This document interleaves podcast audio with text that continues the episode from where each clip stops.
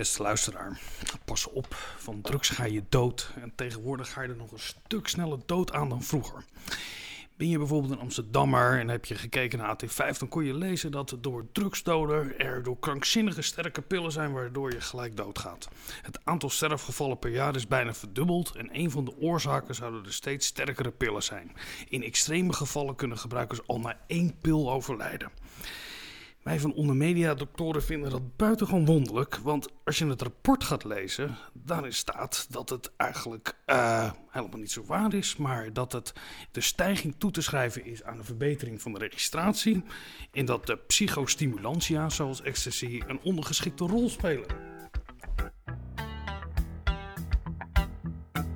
Dit programma wordt mede mogelijk gemaakt door Amsterdam University Press. Vanuit Amsterdam is dit Onder Media Doctoren, de podcast waarin communicatiewetenschappers zich verwonderen over de media. Vandaag gaan we het hebben over de berichtgeving van drugs eh, in de media. Linda, mijn mede-media-dokter, uh, waarom doen we hier zo paniekerig over? Nou, vooral dat, dat AT5-bericht was heel interessant. En dat had AT5 dan weer overgeschreven van een stukje in uh, Trouw. En Trouw had daadwerkelijk met een van de onderzoekers uh, uh, gesproken. Het kwam uit de Trimbos jaarlijkse drugsmonitor. Dat is heel fijn, die brengen ze elk jaar uit. Ze kan heel goed trends in beeld zien. En die drugsonderzoeker die had dus gezegd... ja, die, het komt door krankzinnig sterke ecstasy-tabletten... Um, en dat doet het natuurlijk goed. Dat, dat is een soort sensationalistische berichtgeving waar mensen graag over willen horen. Ecstasy is ook altijd de pineut. Dat is echt zo'n druk die elke keer uh, moeten ze, hebben ze het op ecstasy voorzien. Terwijl als je dus in het rapport gaat kijken, dan staat er eigenlijk, nou ja, ecstasy, uh, daar ga je eigenlijk niet dood. En als je doodgaat, dan is er een probleem van oververhitting. Of er is sprake van combinatiegebruik. en het aantal daadwerkelijk stelvervallen ligt ook onder de 10 per jaar. Um, dus we doen er heel paniekerig over. Ik denk omdat het dus heel veel nieuwswaarde heeft. En ecstasy is wat dat betreft het tegenovergestelde van de publiekslieveling. Uh, ja, het, het, het, zwarte schaap, denk ik. We gaan dat vandaag eh, met elkaar onderzoeken. Hier ook aan tafel dokter Ton Nabbe, criminoloog, werkzaam bij de UvA, als ik het goed heb. Uh, Ton, is de berichtgeving over drugs suggestief? Ja en nee. Um, het is heel aardig om, om even hierop in te gaan op die ecstasy. Want toen ecstasy net uh, in Nederland uh, kwam en in Europa uh, bekender werd... dat moet ergens eind jaren 80 zijn geweest, 87, 88, bij de Second Summer of Love. Als je de berichtgeving in de media toen bekeek, dan was men lovend over ecstasy. Dat was echt een nieuwe wonderpil... Uh, mannen zouden er Casanova's van worden, vrouwen niet aflatende orgasmes. Ecstasy moest je een keer geprobeerd hebben. Het was een pilletje voor de wereldvrede. Het speelde net in het Reagan-tijdperk. En, het, uh, uh, en ja, als je dat niet nam, dan had je wat gemist. En hoe kwam dat dan? Dat waren dus vooral de journalisten van Panorama, Revue tot en met Vrij Nederland en de Groene Amsterdammer, et cetera. De Elsevier, die waren echt de eerste golf van berichtgeving. Waren echt uitermate positief over dit nieuwe wondermiddel. En dat waren over het algemeen waren het ook journalisten die zelf natuurlijk een beetje nieuwsgierig waren en ook wel eens drugs gebruikten. En onder het mom van journalistiek dan een verslag deden of een reportage. Maar vaak ging het ook gewoon over eigen ervaring. En dat werd dan beschreven. En dat was gewoon een heel wonderlijk middel. Een middel wat niemand nog kende. Dat was echt gewoon, gewoon point zero. Vertrekpunt nul. Het was bijna geen ervaring. Niemand kende het. En dit zou echt de wereld veroveren. Dus nou goed, dat is eigenlijk zo'n 30 jaar geleden is dat toen uh, gekomen. En dat veranderde op een gegeven moment, veranderde dat in de begin jaren 90. Toen uh, ja, mensen ook gewoon, uh, de, dus de, de, golf moest komen. De eerste feestjes waren een feit. Ecstasy was all over. En men wist nog niet zo goed van hoeveel je daar moest nemen. men wist ook niet over doseringen. Er waren helemaal geen ja, ook nog heel weinig kennis over, over omgeving, over temperatuursbeheersing, over, over, uh, over doktoren die eventueel. Dus je kreeg al, op een gegeven moment kreeg je al de eerste golf van oververhitting. En dat was toen, vroeger was het vooral oververhitting, oh, dan moest je even naar buiten even afkoelen. Nou, het is de vraag of dat nou zo goed is, maar uh, toen is er langzamerhand toch een besef gekomen. Oh, dus kennelijk is bij zo'n middel is ook de omgeving belangrijk. Ja. En de temperatuur en hoeveel mensen erin in staan en over de hitte, et cetera. Dus toen is er wat meer aandacht gekomen ook over, eh, ja, over mogelijke eh, gezondheidsschade die op kan treden bij, eh, bij, bij ja, negatieve omgevingsfactoren. Valt hier En toen, in en toen kwam op een eh, gegeven, toen iets kwam naar op een gegeven moment ook, eh, ook, ook de eerste dode die gemeld werd. En nee, langzamerhand heeft zich dat, is er natuurlijk meer aandacht daarvoor gekomen. Maar wat jij inderdaad zegt, on- ja, botweg ongeveer, of grofweg ongeveer 10, 10 per jaar aan ecstasy gerelateerd. Ecstasy gerelateerd, ja. Ja. Maar is dat, is dat een gebruikelijke, eh, hoe zeg je dat, als er een nieuw middel op de markt komt, dat dat dan is wat met wat meer enthousiasme omarmd wordt? En dat er pas als er doden vallen er negatief over gesproken Dus wordt? Volgens mij is een de beetje tijd ook gewoon nu Ja. anders. Dus, dat, dat, dus we zijn langer bekend met dit soort eh, varianten. Eh, eh, eh, met, met, met chemische drugs. Ehm, eh, dat, dat, ja, er kan niet meer zo, zoals er toen met ecstasy was, een nieuw middel komen wat echt de boel op stelte zet. Ehm, want nu zijn het elke keer variaties van en zo. Tenminste, de la- laatste tijd is er niet meer een nieuw Nou, middel 4FA geweest. is, een, is de middel wat echt toch wel, als je het achteraf bekijkt, ecstasy redelijk naar de kroon stak. Een, een nieuw eh Mhm. designer drug of een, een nieuwe psychoactieve stof. NPS was ook wel genoemd voor de wetenschappers. En dat was een middel wat eigenlijk... En dan zie je eigenlijk een beetje dezelfde patronen ontstaan bij nieuwe middelen. In het begin eh, ja, blijft het onder de radar. Kijk, een, een, een middel of, of berichtgeving in media wordt echt pas een ding als er iets gebeurt. Ja. Als er geen ongelukken gebeuren, dan blijft het onder de radar. Dat kan heel lang onder de radar blijven. Op het moment dat er eentje uit het raam springt, of er, of er valt er eentje eh, onder de tram, of er gebeurt iets, dan slaan de media daarop aan. Dat hebben we toen met paddenstoelen in extreme mate gezien. We zagen er bij 4FA ook. Was al in 2012 begonnen op te komen. En dan heel langzamerhand, als een middel ook populairder wordt, dan wordt de massa neemt toe. Ja, en er zijn natuurlijk altijd een paar meloten of een paar eh, mensen die, het- die het niet helemaal begrijpen of die echt pech hebben gehad, die dan op een gegeven moment eh, een scheve schaats rijden. Maar en ik heb wel het dan, idee, dan, dan, dan sluit de media aan en dan komen de vragen. maar maakt het dan ook uit wie er doodgaat? Ja, En wat, wanneer wordt het dan, eh, wie moet er doodgaan om aandacht te krijgen? Nou bij paddenstoelen was dat een, een Française. Dat was een, een wat helemaal, helemaal eigenlijk in het beeld paste van de paddenstoelenincidenten. Er waren vooral toeristen die in Amsterdam carnaval vieren voor drie dagen. En dan eh, en cannabis en alcohol en andere middelen gaan mixen. Plus de paddenstoelen die al een tijdje makkelijk te krijgen waren. Ja, en dan gaat het gewoon mis. En dat zagen we ook achteraf, kon je ook zien in, de, in het risicoprofiel. Is dat ongeveer 90% van de mensen die in het ziekenhuis kwamen, waren toeristen. Ja, ik ken iemand Dus dat- die op de spoedeisende hulp Ja, werkt. en dat, eh, en eh, dat, dat, ja, dat, dat beeld. Het, kijk, het, Ja. en, maar dat, is, dat vind ik dus wel heel interessant. Want jij zegt van maakt het uit. Ehm, terwijl in die berichtgeving daarover eigenlijk de nadruk dus niet wordt gelegd op dat wie voldoet aan dat risicoprofiel. Mm. Maar ehm, de- het risico wordt bij de druk zelf gelegd. Hè? Dus eh eh, paddo's zijn gevaarlijk. Dat wordt Ja. gezegd. Weer een dode door paddo's. Terwijl eigenlijk moet je zeggen: nee, weer een dode. Omdat toeristen niet weten hoe ze drugs moeten gebruiken. En alles door elkaar. Ja, want waar we mee begonnen was ook dat ecstasy, de, de, de MDMA, de werkzame stof daarin, dat zou nu de grondstoffen waar zijn beter beschikbaar gekomen. Eh, dus de pillen zijn sterker geworden. Nou van ja, wat- 80 naar 140 milligram. Of... En, dat, en dat, dat, dat klopt ook. Maar wat dan interessant is, dat zo'n drugsonderzoeker... eh, die zegt dan krankzinnig sterke pillen. Dus dat, is al, dat laat zien dat er sprake is van een extreem excess... wat Ik daar vond- aan de hand is. Ik vond het wel interessant dat het drugsonderzoek niet bij naam werd genoemd.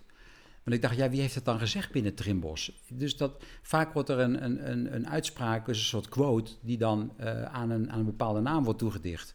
Nou, ik had graag die naam eh, willen weten, want dan had Ja. ik even een belletje gepleegd van, heb je dat werkelijk gezegd? Of was het nou wat de jo- journalist ervan gemaakt heeft? Want dat kan natuurlijk ook, hè? Ja. Er kan ook iets in de mond gelegd worden. Kijk, vaak, ik, ik, word, ik word bijna elke week al een paar keer gebeld door, door de media. Hm? Eh eergisteren nog door Nieuwsuur. Die belde me op in verband met eh, de schietpartijen in Oost. Eh, er zouden dus jonge, jo- jonge Amsterdammers... die zouden om, eh, om geld te verdienen vanuit de, de buurt, de volksbuurt... naar het centrum gaan en daar nepdoop eh, verkopen... Of, of andere middelen verkopen. En dat zou dus geïnitieerd worden juist door, eh, door het snelle geld, et cetera... En nou goed, die probeerde dus een beetje te begrijpen wat er aan de hand was. Nou, dat, dat, dat kan zo'n ding zijn. Ik werd vanochtend nog gebeld door ehm, iemand van de, wat was het, NOS op 3. Die wilde wat meer weten over de MDMA als therapiemiddel. Eh, en, en hoe dat nou zat met de LSD destijds van professor Bastiaans. Kijk, soms hoef je niet altijd te reageren. Dan zeg je, nou goed, uh, er is Stefan Snelders, die heeft daar een proefschrift over geschreven. Over LSD in de jaren 60. Die moet je bellen, want die weet er veel meer van. Ik kan er iets over vertellen. Dus het is ook een beetje van, ja, je wordt op een gegeven moment gebeld. Omdat je een soort, oké, okay, dat is een drugsonderzoeker. Maar het is soms ook van, oké, dat gebied, dan moet je gewoon... En die persoon, maar die kan er veel meer over vertellen. Die heeft er gewoon onderzoek naar gedaan. Maar dus dat ging over veteranen die ja, uh, een, een, een posttraumatische stressstoornis hebben... die dan Ja, eigenlijk slaan ze daarop aan, omdat je, hoe het werkt de media is, op, je zit ergens een soort in een, in een datasysteem, omdat je wel eens een keer wat hebt gezegd over, uh, over MDMA als therapie. En dat MDMA best wel een, een interessant middel is om, uh, om, om dat voor te schrijven omdat er al een traditie, een hele lange traditie is in Amerika. Dat men dus nu zover is in de Verenigde Staten dat uh, MDMA mogelijk binnen een paar jaar als een therapeutisch middel, als geneesmiddel wordt voorgeschreven. Dat is allemaal via, zoals het hoort, in clinical studies, FDA approved, et cetera. Dus de Federal Drugs Administration.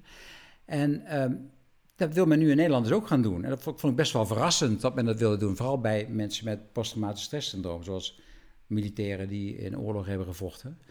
En uh, daarvoor behandeld uh, kunnen worden. Nou, en dus natuurlijk de vraag van, nou, ja, is dat, is dat goed? Uh, nou goed, dus dat. Uh, en dat, dat, dat haalt, dat, er komt er wel een berichtje in de Volkskrant ja. op zaterdag van een uh, wetenschapsjournalist. die een vrij feitelijk verslag geeft. En dat is eigenlijk een beetje de andere kant. Daar maar wordt toch. niet over krankzinnige pillen gepraat. Ja. Maar er wordt juist over: oké, dat middel heeft dus ook gewoon een andere geschiedenis en een andere uh, ja, andere maar, kwaliteiten bijna. Ja. Maar toch, en dat heeft natuurlijk te maken met die, met die nieuwswaarde, zeg maar. Het is mm. allemaal, gaat het over een soort van uh, uh, uitzonderlijkheden, zeg maar. Dus, dus het is, wordt in een relatie dan gebracht of met criminaliteit... of dan inderdaad met iets heel bijzonders. Oké, okay, we kunnen therapie doen. Maar dat is allemaal heel uitzonderlijk. En dat gaat dus heel erg voorbij aan de realiteit die er heerst... voor heel veel mensen die deze drugs gebruiken die uh, um, in het weekend uh, dat doen, waarbij het een onderdeel is van hun leven. En soms lijkt het eigenlijk wel alsof er een soort parallele wereld uh, bestaat. Eentje waarin er zeker in Amsterdam onder het uitgaanspubliek een redelijk grote groep is voor wie dat heel alledaags is. Dat ook heel alledaags gebruikt wordt, zeg maar. Die goed nadenken over risico's, die daarover praten, et cetera. Dat is de grote groep gebruikers. Maar als je in de media kijkt, dan heb je dus schietpartijen van, de, van uit het hotelraam springen. Of we zetten het in voor therapie. Maar het is heel erg weg uit die alledaagse sfeer. Ja, ik kwam een onderzoekje tegen, heel oud hoor, uit Schotland, waarin werd, nou ja, werd, werd gekeken naar toxicologisch onderzoek. Hè? Wat, wat, wat, wat gebruiken mensen nou eigenlijk en uh, de berichtgeving erover. En dan kwam inderdaad in naar voren, ook wat we hier zeggen, dat bepaald soort drugs veel meer aandacht krijgt dan andere drugs. En dan heb ik het nog niet eens over illegaal of legaal. Nou, ik, ik, denk soms dus van als er iemand doodgaat op, uh, op, uh, onder invloed van ecstasy Zoals we een paar jaar geleden hebben gehad bij uh, Amsterdam Dance Event. Er waren ja. er drie in een weekend. Dat heeft heel veel commotie uh, gegeven. Uh, ik werd toen ook uitgenodigd voor, voor Humberto Tan, een praatprogramma. Daar ben ik niet op ingegaan. Ik had, daar heb ik, Waarom heb niet, ik, Ton? Nou, omdat ik me daar niet wil, voor, voor, wilde lenen. Want dan gaat het alleen maar van, oh, er is iemand doodgegaan op ecstasy. En dan moet je daarop anticiperen of op reageren. En dan word je in die verdedigingshoek Nee, geduwd. daarom. Dus ik dacht van, nou, dat ga ik niet doen. Dat heb ik gewoon gezien om daarvoor te lenen. Want dan ga je we wisten er nog niks van, onder wat voor omstandigheden. En dan denk je van ja, wat, dat wil je eerst weten, om dan vervolgens dan in discussie te gaan. Maar dat dus was maak inderdaad... eerst maar eens een reconstructie ja. van hoe is het dan precies gegaan. Anders zit je meteen al over drie dooien te praten, waar je niet het fijne ervan weet. Dat was toen heel interessant, ja. inderdaad, uh, rond, die, rond, die, rond die doden toen. Het was in uh, twee, drie jaar geleden? Ja, het is, een, uh, het is drie jaar geleden ongeveer. En toen is het, ja, Niemand wist eigenlijk nog wat er precies nou. aan de hand was. Het was vermoedelijk ecstasy, maar er was nog helemaal geen toxi toxicologisch rapport. Dus we konden dat helemaal niet zeggen. Het is alsof je zegt, weet je, iemand is doodgegaan aan, uh, aan giftige boerenkool... zonder dat we weten wat die persoon überhaupt gegeten had. Nou ja, en vervolgens wil dan natuurlijk iedereen dat er waarschuwing moet komen op boerenkool ja, dat, want, maar dat, wie wil dan eerst weten, maar misschien was het wel gewoon spinazie. Maar is het dan ook zo dat bepaald soort drugs zoals ecstasy, dat, hè, dat, dat, hè, dat hoort bij uitgaan, dat hoort bij ja. plezier hebben, dat hoort bij jonge mensen die misschien... Ja, dat, dat speelt, andere... dat speelt, allemaal een rol, speelt allemaal een rol. Maar misschien is het wel interessant, misschien omdat het zo weinig voorkomt, trekt het zoveel media-aandacht. Er gaan per jaar 25.000 mensen dood aan de gevolgen van roken. Ja. 25.000. Dat zijn, dat zijn, als je het omrekent per dag, dat is kennelijk zo normaal geworden. Uh, uh, dat staat, netjes staat het op de pakjes, uh, veroorzaakt kanker. Eh, je kunt er gewoon impotent van worden. Het is slecht voor dit, het is slecht voor dat. We trekken er belastingcenten van. Het is eigenlijk gewoon, is gewoon eh, ja, het is gewoon een... eh, Nou ja, en hebben we nog niet eens over alcohol. ander Dus- voorbeeld dus, ja. met, met, die, Ja. met die vergelijking. Ehm, veel meer mensen he- eh, eh, eh, hebben problemen met hardlopen. En die marathons lopen. Dan is er ook allemaal uitputting en uitdroging. En weet je, dat is ook allemaal. Dat gebeurt elke marathon. En dat komt eigenlijk bijna nooit groot in het nieuws. Weet je, dat, er zijn weer zo- 16 mensen met uitputtingsverschijnselen opgenomen in het ziekenhuis nadat ze een marathon hebben gelopen. Het is heel slecht voor je lichaam. De reden waarom dat is, is omdat we marathonlopen vinden eigenlijk goed. Dat zien we als een belangrijke sportprestatie. Dus die, die negatieve aandacht is er niet. En ik denk dat het juist, het heeft ook te maken met dat het over vooral jongeren eh, gaat. En dat roken en drinken wordt natuurlijk ook door een oudere generatie gedaan. En er is gewoon een neiging van media om alles wat jongeren doen te kaderen in een verhaal van seks, drugs en rock'n'roll. En het is slecht en het wordt steeds slechter. Hè? Dus het moet altijd, moet het elk jaar erger. Dus dan krijg je krankzinnig sterke pillen en het aantal doden, mama. Terwijl eigenlijk die jeugd best wel braaf is. Dat is, Ja. dat is interessant nieuws. Ze roken minder, eh, ze drinken minder, ze doen eigenlijk dingen best wel goed. Maar toch willen media graag negatief berichten. En ik denk, eh, als je het hebt over die vraag van waarom nou juist zo'n focus op, op ecstasy of andere drugs die vooral door die uitgaansjongeren gebruikt worden, dan denk ik dat je het daar moet zoeken. Media willen gewoon die groep graag als rebels, anders, een beetje gevaarlijk. Wat doet die, de, die jeugd van tegenwoordig dat we erop kunnen mopperen? Ja, is dat een herhaling van... van hè, dit, dit, dit- ik, Ik vind dus elk jeugd- jaar, als ik die drugsmonitor bekijk, wat ik elk jaar doe, dan ben ik weer enorm geschokt over de grote problemen die er zijn met ouderen en alcoholgebruik. Dat Ja. is echt, echt een enorme Dat is eigenlijk het grootste probleem. De Ja. Die, om drie uur s middags al een fles wijn opentrekken en na het eten nog een tweede doen. Nou, we weten niet wie Dat is- nu zit te luisteren. Ja? Maar, hè, Ah, als, nee, je- dat is als, niet je, erg, als je om twaalf uur Ik 's middags bedoel, zit te luisteren wel. en net een flesje wijn op Het is gewoon een. eh, nee, maar dat. dat, dat Met je goed verdiende eh, pensioen. punt, ja. Nee, maar goed, er is zoveel. Er, er, er, er, er, er cirkelt zoveel rond in die media over, eh, over, over middelengebruik. Kijk, die, die Nationaal Drugsmonitor is eigenlijk een bloemlezing van wat van de afgelopen jaar. Het is niet eens nieuws, hè? Het is gewoon een, een bloemlezing van onderzoek wat de afgelopen jaar eh, gedaan is. En daar leveren wij ook onze data aan. Iedereen doet dat. En dan komt er dan een, een onderzoek uit. En dan gaan journalisten gaan kijken. Ik werd toen die ochtend werd ik door een NRC-journalist gebeld. Eh, en die zei, Ton, ik, ik lees hier dat, eh, dat er eigenlijk een verdubbeling is van het, van het aantal doden. Nou goed, en toen zei ik, ja, ik kan het ook niet echt verklaren. Dat moet je weer aan de onderzoekers vragen. Alleen de onderzoekers, die, die, die weten, de onderzoekers die leveren het allemaal. Nee, het zijn de sa- hij vraagt eigenlijk aan de samenstellers van het boek, hoe is het te verklaren? Nou, dat kan onder andere door een betere registratie zijn. Het kan ook best wel zijn dat er andere dingen zijn, maar ik, ik weet het niet precies. En niemand weet het eigenlijk. Nee, maar en En dan wordt er echt- eigenlijk doorgegraven en dan komt de trouw inderdaad met, met de krankzinnig. En ja, ik... Het, Volgens mij ging het ook echt om een verdubbeling. Ik weet, ik weet het niet uit mijn Ja, hoofd, maar, maar, verdubbeling echt van van, vier naar maar, acht ja, of maar zo. verdubbeling van niks is iets meer. Ja, Dus dus dat is kijk, als er gewoon- er één was en het jaar verdubbeling- daarna zijn het er twee, dan is dat een Ja, maar dat is, verdubbeling. ja, precies. Dat is eigenlijk Terwijl het statistisch natuurlijk Ja, niet nee, interessant Ja. is. Heeft dat ook met een... Maar het is, wel- het is interessant, want helemaal tegen de tijdgeest in. Want de ecstasy, er zijn bijna, bijna een miljoen mensen die ooit eens een keer ecstasy hebben genomen.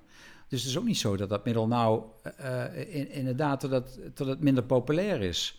Dus dat vind ik, heel, dat vind ik inderdaad ambivalente daaraan. Ja, dat is- stijgende dat is- populariteit van ecstasy, zelfs dat 30 jaar, blijft dat middel gewoon groeien.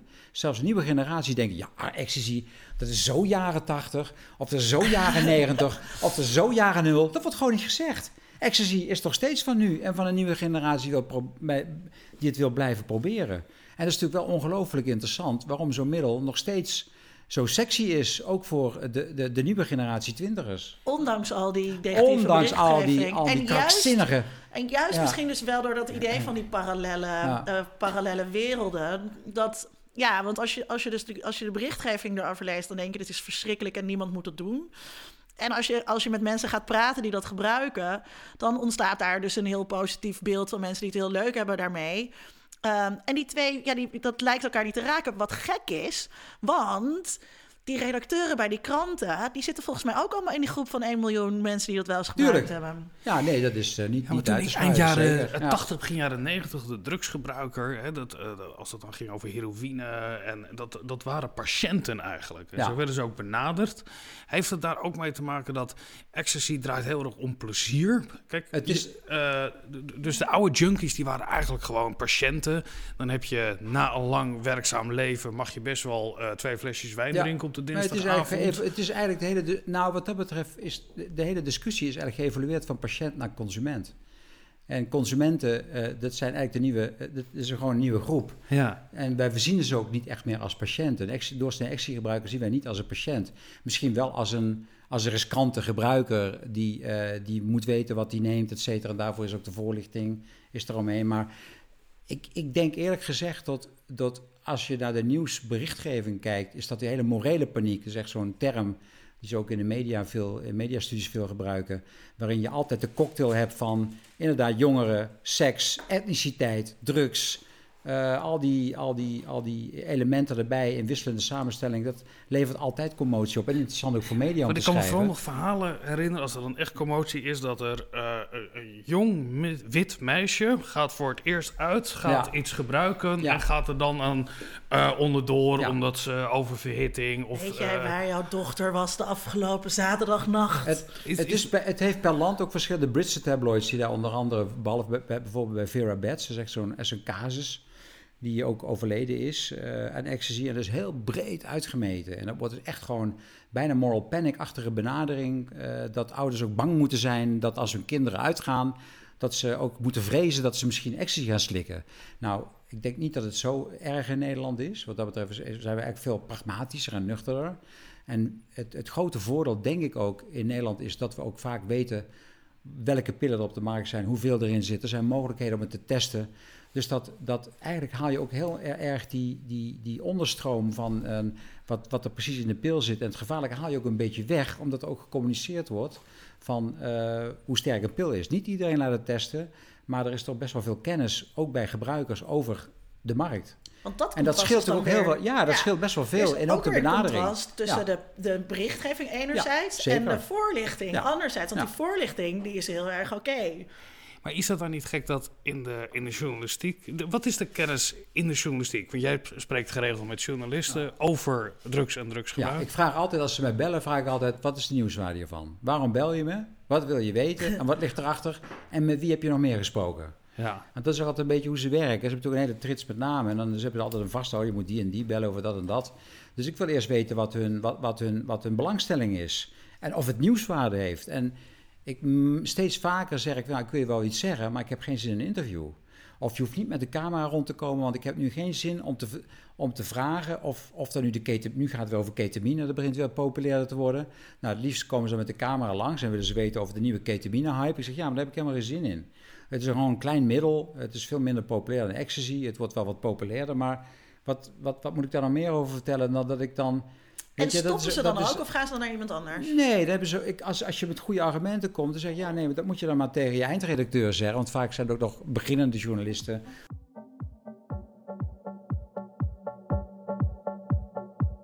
Mijn naam is Floor Verbakken. Ik ben eh, manager van de afdeling preventie van Jenlek. Jenlek is een verslavingszorginstelling. En bij de afdeling preventie houden we ons eigenlijk bezig met het zorgen dat mensen uiteindelijk niet bij de verslavingszorg terechtkomen. En dat zijn, eh, kan van hele algemene projecten gaan, zoals campagnes over eh, verschillende middelen, tot hele specifieke doelgroepen die benaderen en proberen te zorgen dat ze ja, op een verantwoordere manier omgaan met middelen algemene berichtgeving over drugs in de media vind ik vrij gehyped. Eh, vaak heel erg paniekvoetbal.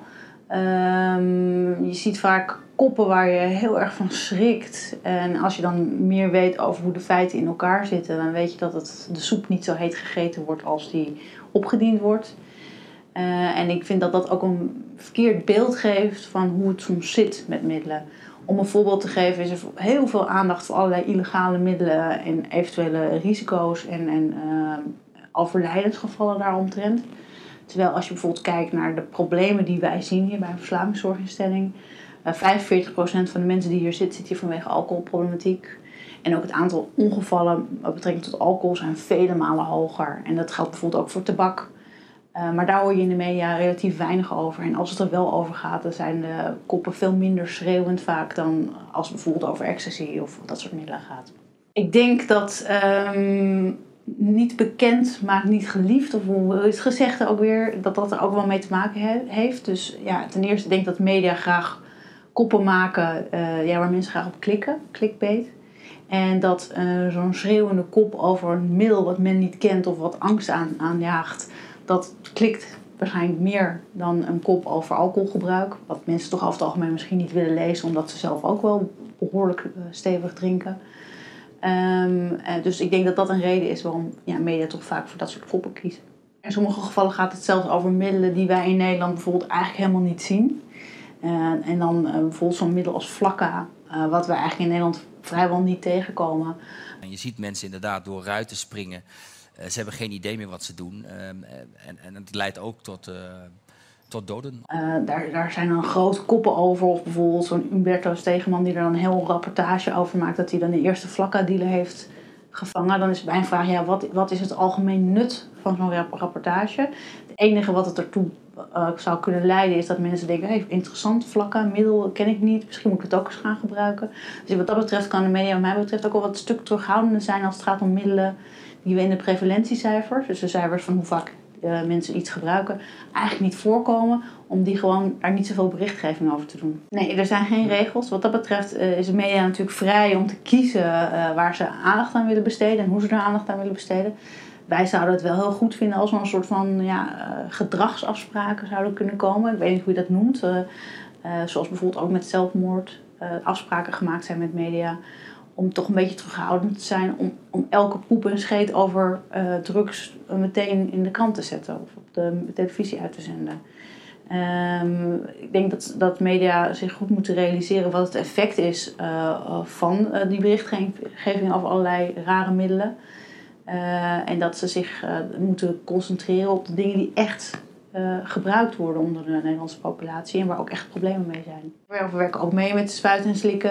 We hebben ook wel aan Vice-artikelen meegewerkt. Ik denk gewoon wel dat we altijd proberen af te wegen: is het verstandig om over een bepaald middel media-aandacht te hebben? En wat is de insteek van een artikel of wat is de insteek van een item? Voordat je daar aandacht aan besteedt. Op zich is het natuurlijk helemaal niet slecht uh, zeker niet zo'n zo blad als Vice, wat toch wel heel erg gericht is op een specifieke doelgroep. Een doelgroep waar mogelijk ook bijvoorbeeld meer ecstasy-gebruik plaatsvindt dan uh, als je de Volkskrant-lezer uh, bekijkt. Ik doe nu even grove inschatting. dat zo'n zo'n blad dan misschien wat meer aandacht besteedt aan middelen zoals ecstasy. en dan vervolgens gaat het ook om de manier waarop de berichtgeving is, is gedaan. Dus wordt daar gewoon heel open gesproken over mogelijke risico's maar ook bijvoorbeeld de voordelen, voordelen van het gebruik. Of is het een heel waarschuwend en in sommige gevallen echt onwaar artikel. En ik denk dat dat, dat dat is vooral waar journalisten naar moeten kijken. Het is niet zo dat je helemaal geen aandacht mag besteden aan illegale middelen. Nou, mede mediadokter, uh, wat vind jij ervan? Nou, wat, is, uh, wat is interessant uh, is, uh, wij hebben Vice benaderd om een interview met hun te doen, om, om te praten met een journalist die daar vaak en lukte over, dat? Die daar vaak over schrijft. Uh, en toen moest dat langs de communicatieafdeling. en toen zei de communicatieafdeling nee, dat mag niet. Toen hebben we contact gezocht met Spuiten en Slikken om te vragen of we daar iemand van konden interviewen. Ja.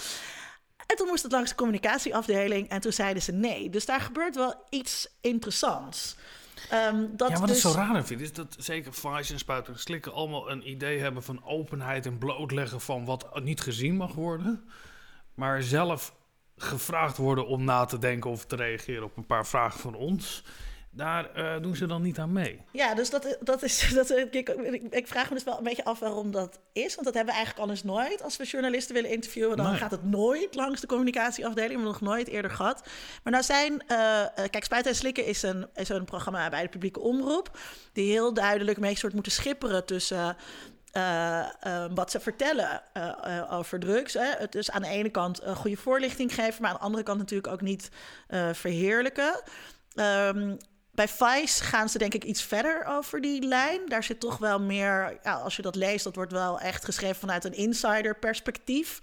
Ehm, maar ook zij moeten daar natuurlijk, denk ik, moeten daarover nadenken. Eh, eh, hoe, hoe, ja, hoe schipper je tussen voorlichting, niet verheerlijken, waarschuwen, maar ondertussen ook een soort recht doen aan ehm, wat er bij gebruikers leeft. Nou, ik vind het wel zorgelijk. Waarom als- denk jij dat? Waarom denk jij, mede mediadokter Vincent Kronen, waarom denk jij dat, Dat- zij dat- niet mochten? Ik, nou, ik denk dat bij spuiten en slikken dat daar mensen zitten die eh, heel erg getraind zijn in een bepaalde rol. En dat zijn eigenlijk gewoon geen journalisten. Dat zijn leuke, jonge mensen die... Nou, het is ook een beetje bekende Nederlanders, hè? Maar ze hebben Ja, gewoon redacteuren Dus, ook, hè? Ze eh, hebben ook ja, maar ook redacteuren research, et ja. cetera. Nou, het is wel een goeie, want eh, je kunt ook zeggen als je weer een keer gebeld wordt door spuiten slikken, van nou, ik wil eerst even jullie, jullie, eh, jullie dingen hebben. Dat je mij terugkaatst. ja, maar kijk ook waarom Geef maar de, de- jullie, hoe het, noem je dat ook weer? De- Communicatieafdeling? de commu- ja, eerst de communicatieafdeling, oftewel... eh, Ja, Nou, maar ik denk ook zo'n Vice, waarom ze daar niet... eh, dat ze, een, ze- maken bepaalde keuzes. Eh, ze- besteden heel veel aandacht aan, aan, aan drugs en recreationeel drugs... of koken met wiet, zag ik laatst langskomen. Dat je, ja, daar, als je daarover moet gaan verklaren... eh, dat ze misschien ook wel bang zijn dat we de geëikte vragen gaan stellen. Of, of het niet te veel geromantiseerd wordt. Of dat ze daar heel erg in, in, in kort gehouden worden, makers. Zowel bij Spuiten en Slikken als bij, bij Vice. Maar ja, we weten het niet, want ze wilden niet met ons praten. Ja, Dus mocht je nou luisteren en je werkt daar... en je wil alsnog met ons praten... dan kan je als dan klokkenluider dan dan- hebben een vertrouwelijk Dan e-mailadres waarmee dan kan je... ons Nee, dus- altijd eh, benaderen daarbij. Ik- nou, misschien is hun praktijk ook wel dat ze veel eh, stuiten op juist op de, op de communicatieafdeling. eh, dat ze een woordvoerder eh, spreken. Eh, wat ik van Floor ken, wij, wij- en, en ook eh, mijn eigen positie is gewoon heel vrij. Ik hoef niet eerst de communicatieafdeling van de universiteit eh, te benaderen, van, want dan, dan, dan houdt het gewoon op. Want dan ben ik, de hele tijd eh, bezig. En eh, alles wat ik dan zeg, dat moet dan via de communicatieafdeling. Dat, dat Dus ze hebben gewoon mijn 06-nummer, ze kunnen me altijd bellen. Al- als ik opneem, dan, dan wil ik ze best te woord staan. Maar ben je wel eens, ben je wel eens teruggefloten? Nooit- is er, is nee, er wel nooit- iemand nou, van wel de geweest die Nou, zei... wel dat de professor een keer zei, nou Ton, dat is wel iets... dat, ik, ja, dat ik ook wel kon begrijpen dat mensen goede seks op de GHB konden hebben, weet je wel. Dat, nou Ton, dan moet dat was voor de revue en zo. Dan, nou Ton, weet je wel. Dat, Maar het is wel waar. en dat ik ook nog zei dat andere collega's daar misschien een beetje moeite mee hebben dat ik dat zou zeggen, weet je wel. Dan, dan krijg je even zo'n zo'n opgetrokken wenkbrauw. En die Maar ik ruimte heb krijg wat- je wel. ik heb, dus. Jawel, ik heb, Dat- ik dat- heb een hele vrije rol daarin. En ik, ik, ik heb natuurlijk wel ook de rol van onderzoeker. ja. Voor een deel heb ik ook de rol van ervaringsdeskundige, maar dat hoef ik niet altijd een, eh, een journaliste te vertellen. Maar ja, ik hoef natuurlijk niet te ontkennen dat ik geen, eh, geen ecstasy heb genomen. Ik ben een van de bijna miljoen Nederlanders, dus zo uitzonderlijk is dat ook weer niet. Dus dat, eh, wat- daar ben ik ook maar gewoon eh, iemand die dat... Nee, heb je, ik kan me voorstellen dat je als deskundige ook een soort rol kan hebben. Ja, ik wel, journalisten die dat niet altijd weten van je? Of je nou, soms hè? vragen ze wel eens naar, ligt er net aan wa- waarom en, en onder wat voor, nou, hoe joviaal ik op ben.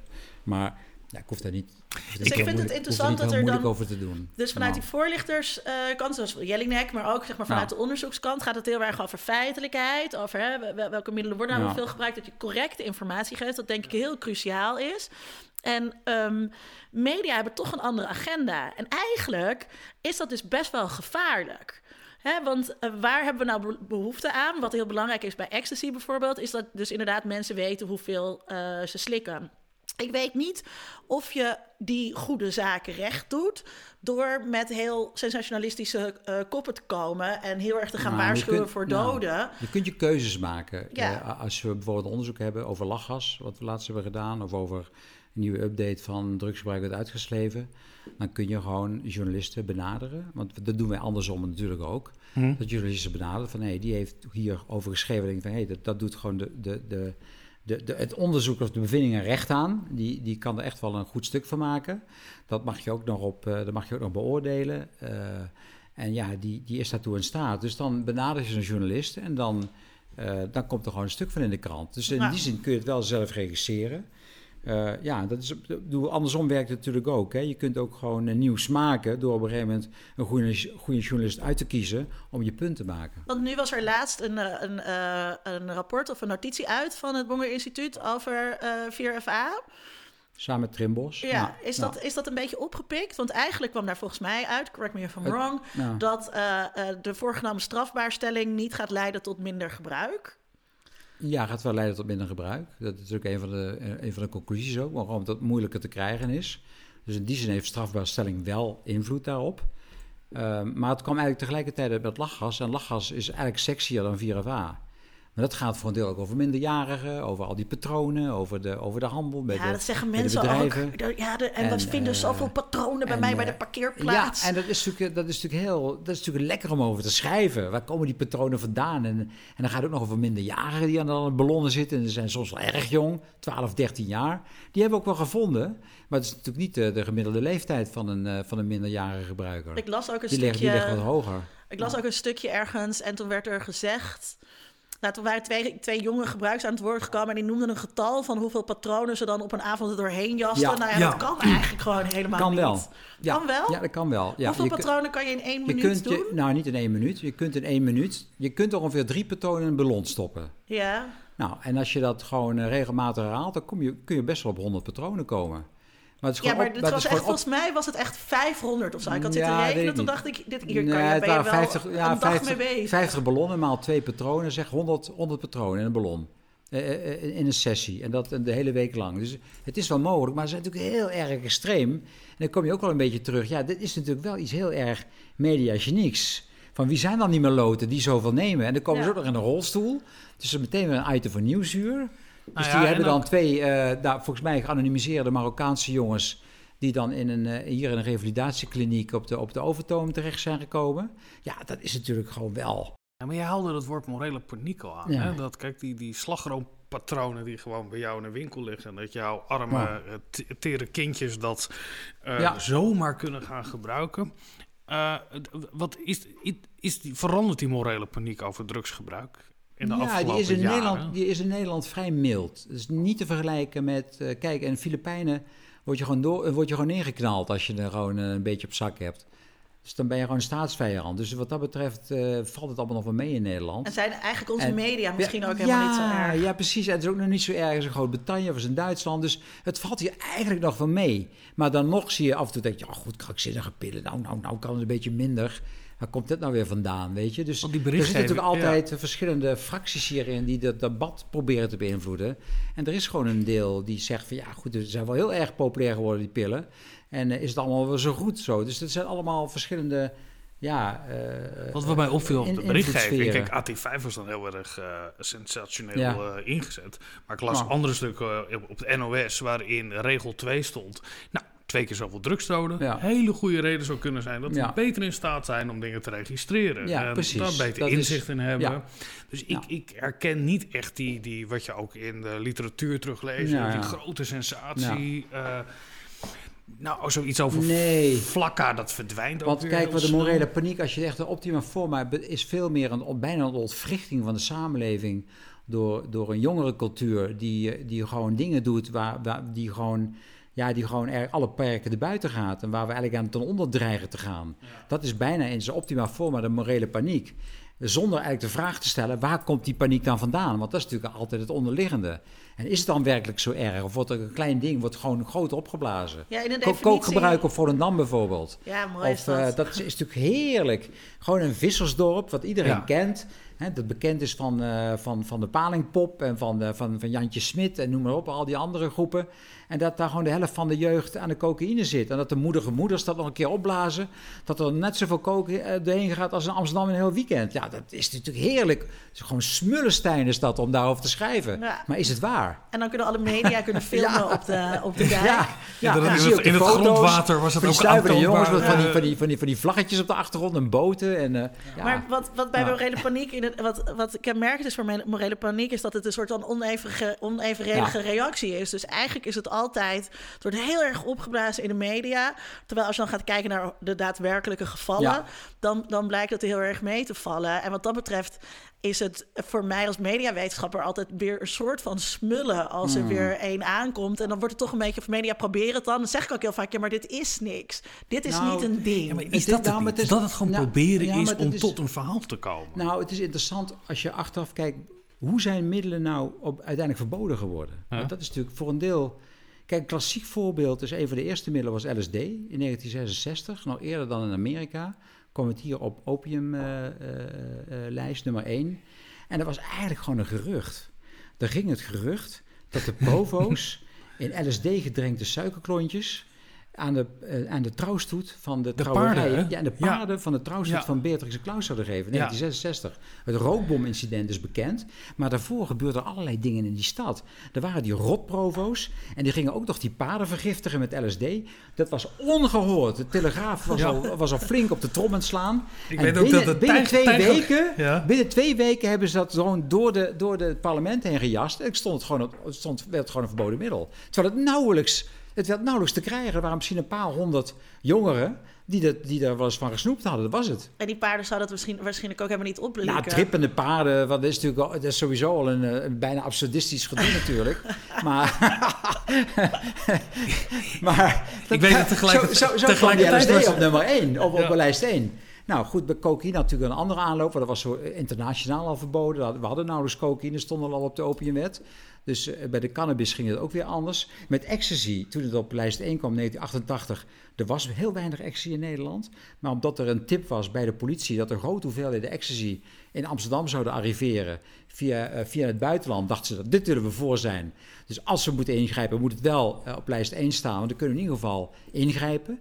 Maar lijst 1 is in Nederland nog steeds een middel met onaanvaardbare risico's.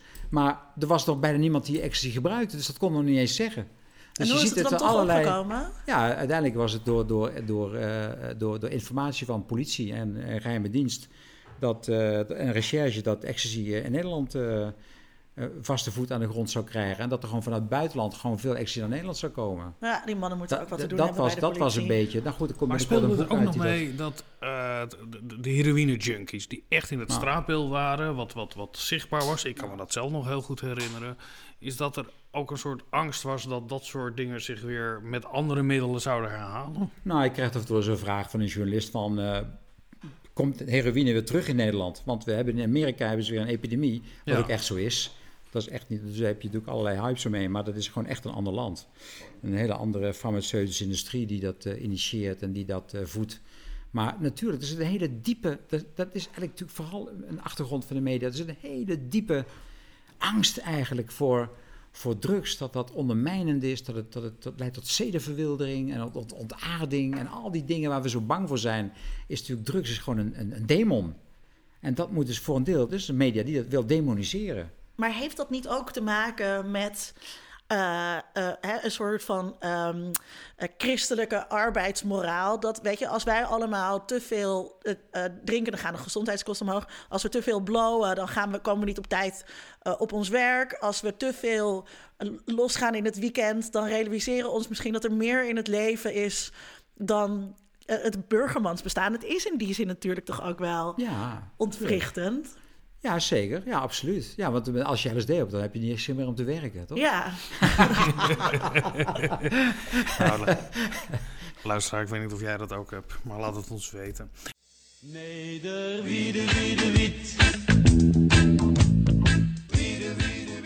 Miauw miauw, sos, bubbel, jappen, schrijven en zegeltjes.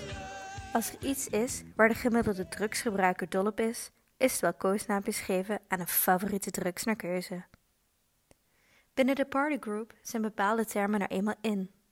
Zo is sos alweer bijna achterhaald en noemen de echte in-crowd het witte poeder inmiddels alweer pak. Media springen hier maar wat graag op in. Want hoe beter jongeren aan te spreken dan dezelfde taal te spreken. Het probleem hier, het lijkt een beetje alsof je moeder op een feestje woorden als relaxen begint te gebruiken, omdat ze denkt dat ze dan geen 60 meer is. Jammer. Een recent voorbeeld is de woordvoering omtrent de druk 4-fluoramfetamine, beter bekend als 4-FMP of 4FA. De designerdrug was populair in Nederland en stond bovendien nog niet op de opiumlijst. Kortom, reden voor paniek.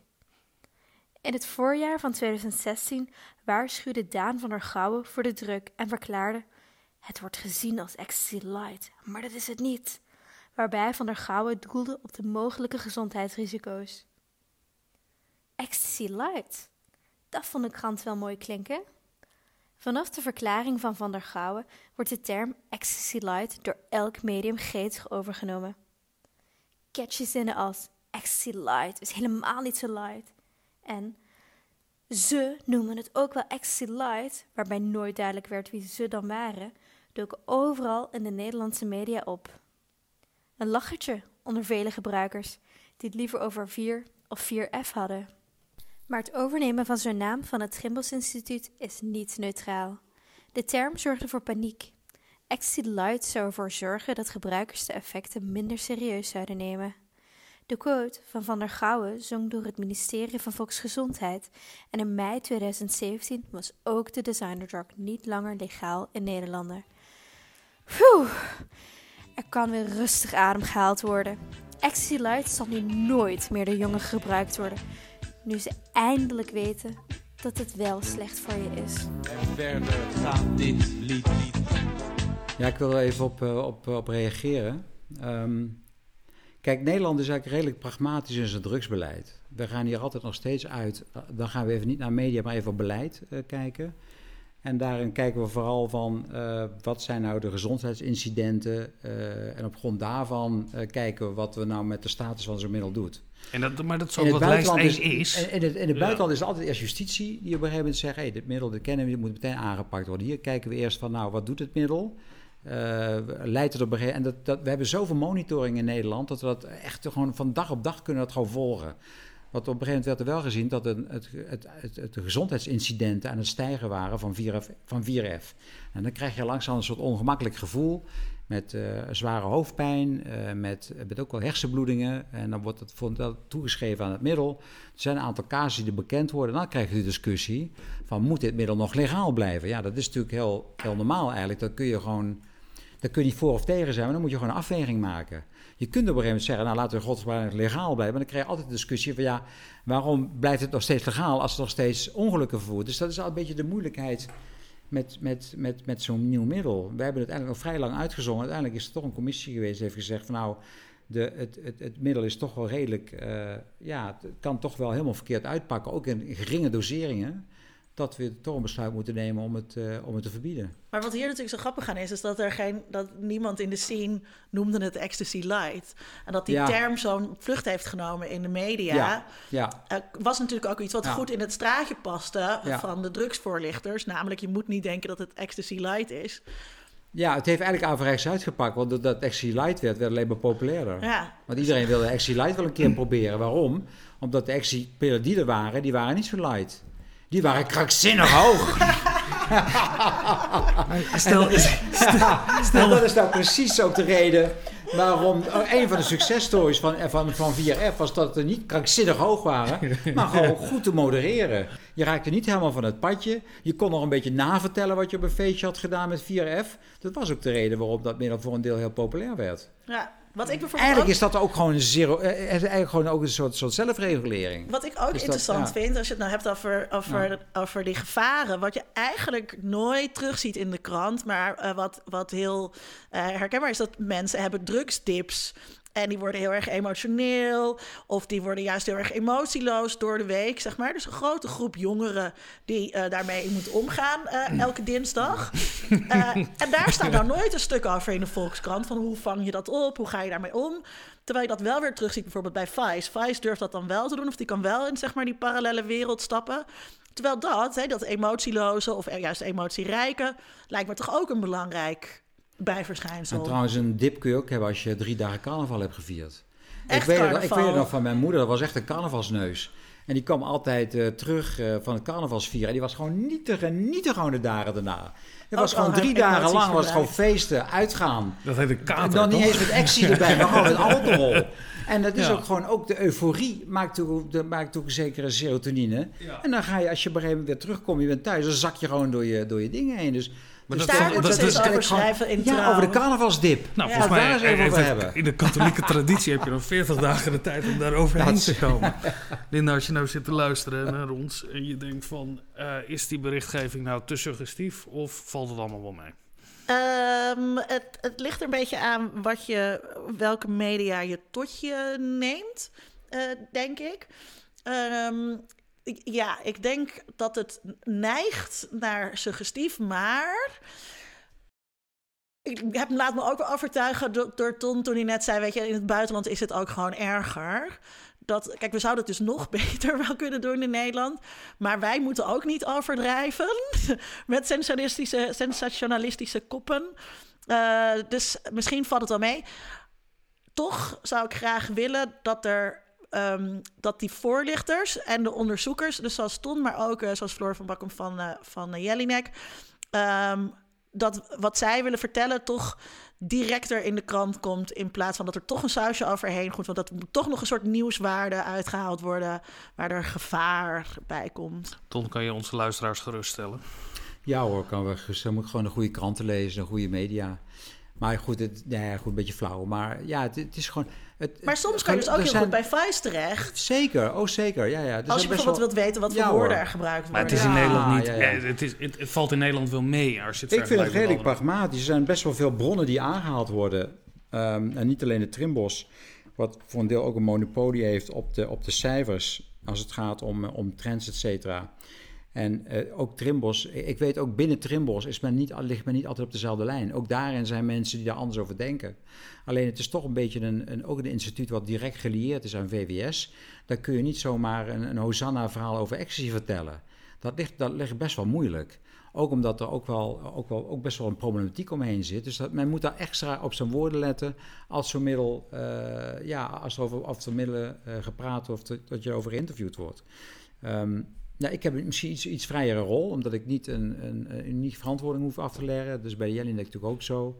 En ja, ik denk, denk dat in die zin is dat, dat er voor journalisten, als ze neutraal over drugs willen schrijven, dat ze ook best wel. Uh, Denk je, ook dat, kunnen, ja. denk je ook dat ze bij Jelinek, omdat ze zo dicht op die voorlichting zitten, ook meer begaan zijn met gebruikers en ook meer vanuit dat zijn perspectief veel, redeneren? Ja, ze zijn veel dichter bij de gebruikerswereld ook. Ja, en dat is natuurlijk ook een beetje, staan elke week staan ze op feesten met, uh, met Unity en uh, noem maar op. Dus ja. er is heel veel, is er ook gewoon veel meer een één op één verhouding met gebruikers. Dus, dus ook door het directe contact krijg je natuurlijk ook. Het is toch wat anders dan dat je alleen maar verslaafd aan behandelen bent. Dan denk je, iedereen raakt verslaafd aan drugs. Maar het is ook maar net dat deel wat, je, wat, wat, wat, wat, jou, wat jij krijgt.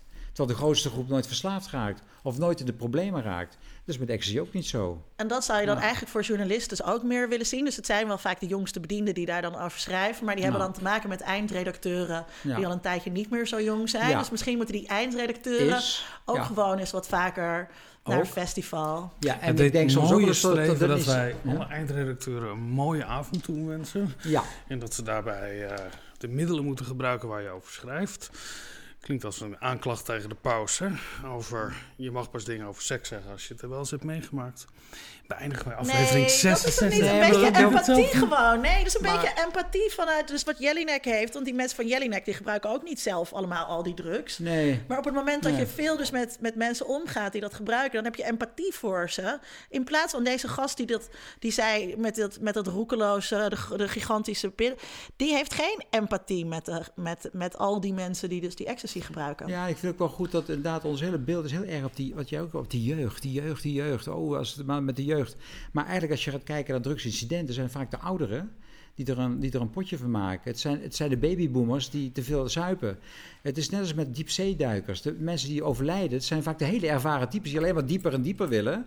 En die op een gegeven moment in de problemen komen. Ja, die babyboomers die, die, gebruiken ook allemaal geen voorbehoedsmiddelen. En zo heb ik wel eens over geschreven nee, voor NRC. Ja. Ja, met, met, deze fijne mededeling willen wij zeggen dat we het heel fijn vonden dat je hebt geluisterd, beste luisteraar. Dit was aflevering 66 van Onder Media Doctoren. En mocht je nou via iTunes luisteren, dan zouden wij het heel leuk vinden als je ons een review zou geven. Een review je, of een review? Een review. Een review of een review? Nou, je mag gewoon onderin aanklikken. Uh, wij wachten wel even totdat je dat hebt gedaan. Gaan we ja, ondertussen gaan verder. En ondertussen gaan wij gewoon verder. Heb je, heb je het voor... Klik ons aan, dan zijn we goed vindbaar, ook voor iedereen. Um, dankjewel namens Tom, Narien, Pim, Linda en namens mijzelf Vincent. En heel veel Je vergeet dank. een nieuwe. Oh, echt waar? Ja. Nou, kom je even voorstellen dan. Dat Schreeuw vinden, maar. Dat vinden ze te eng. Maar we hebben twee nieuwe medewerkers, Mac en Frederik, en die zijn hier ook. En uh, dat kon je horen hopelijk. Of op de camera kijken. Als het goed dan, opgenomen uh, is, dan zeg ik dat kon je horen. Als het slecht opgenomen is, dan is het de schuld van Pim. En er komen vast mo mooie foto's op de site. Uh, dank aan mijn medemedia, Dr. Linda Duits, en aan Ton voor je aanwezigheid. Tot over twee weken.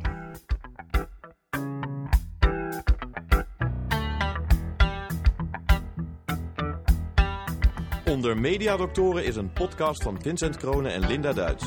Meer informatie vindt u op ondermediadoktoren.nl.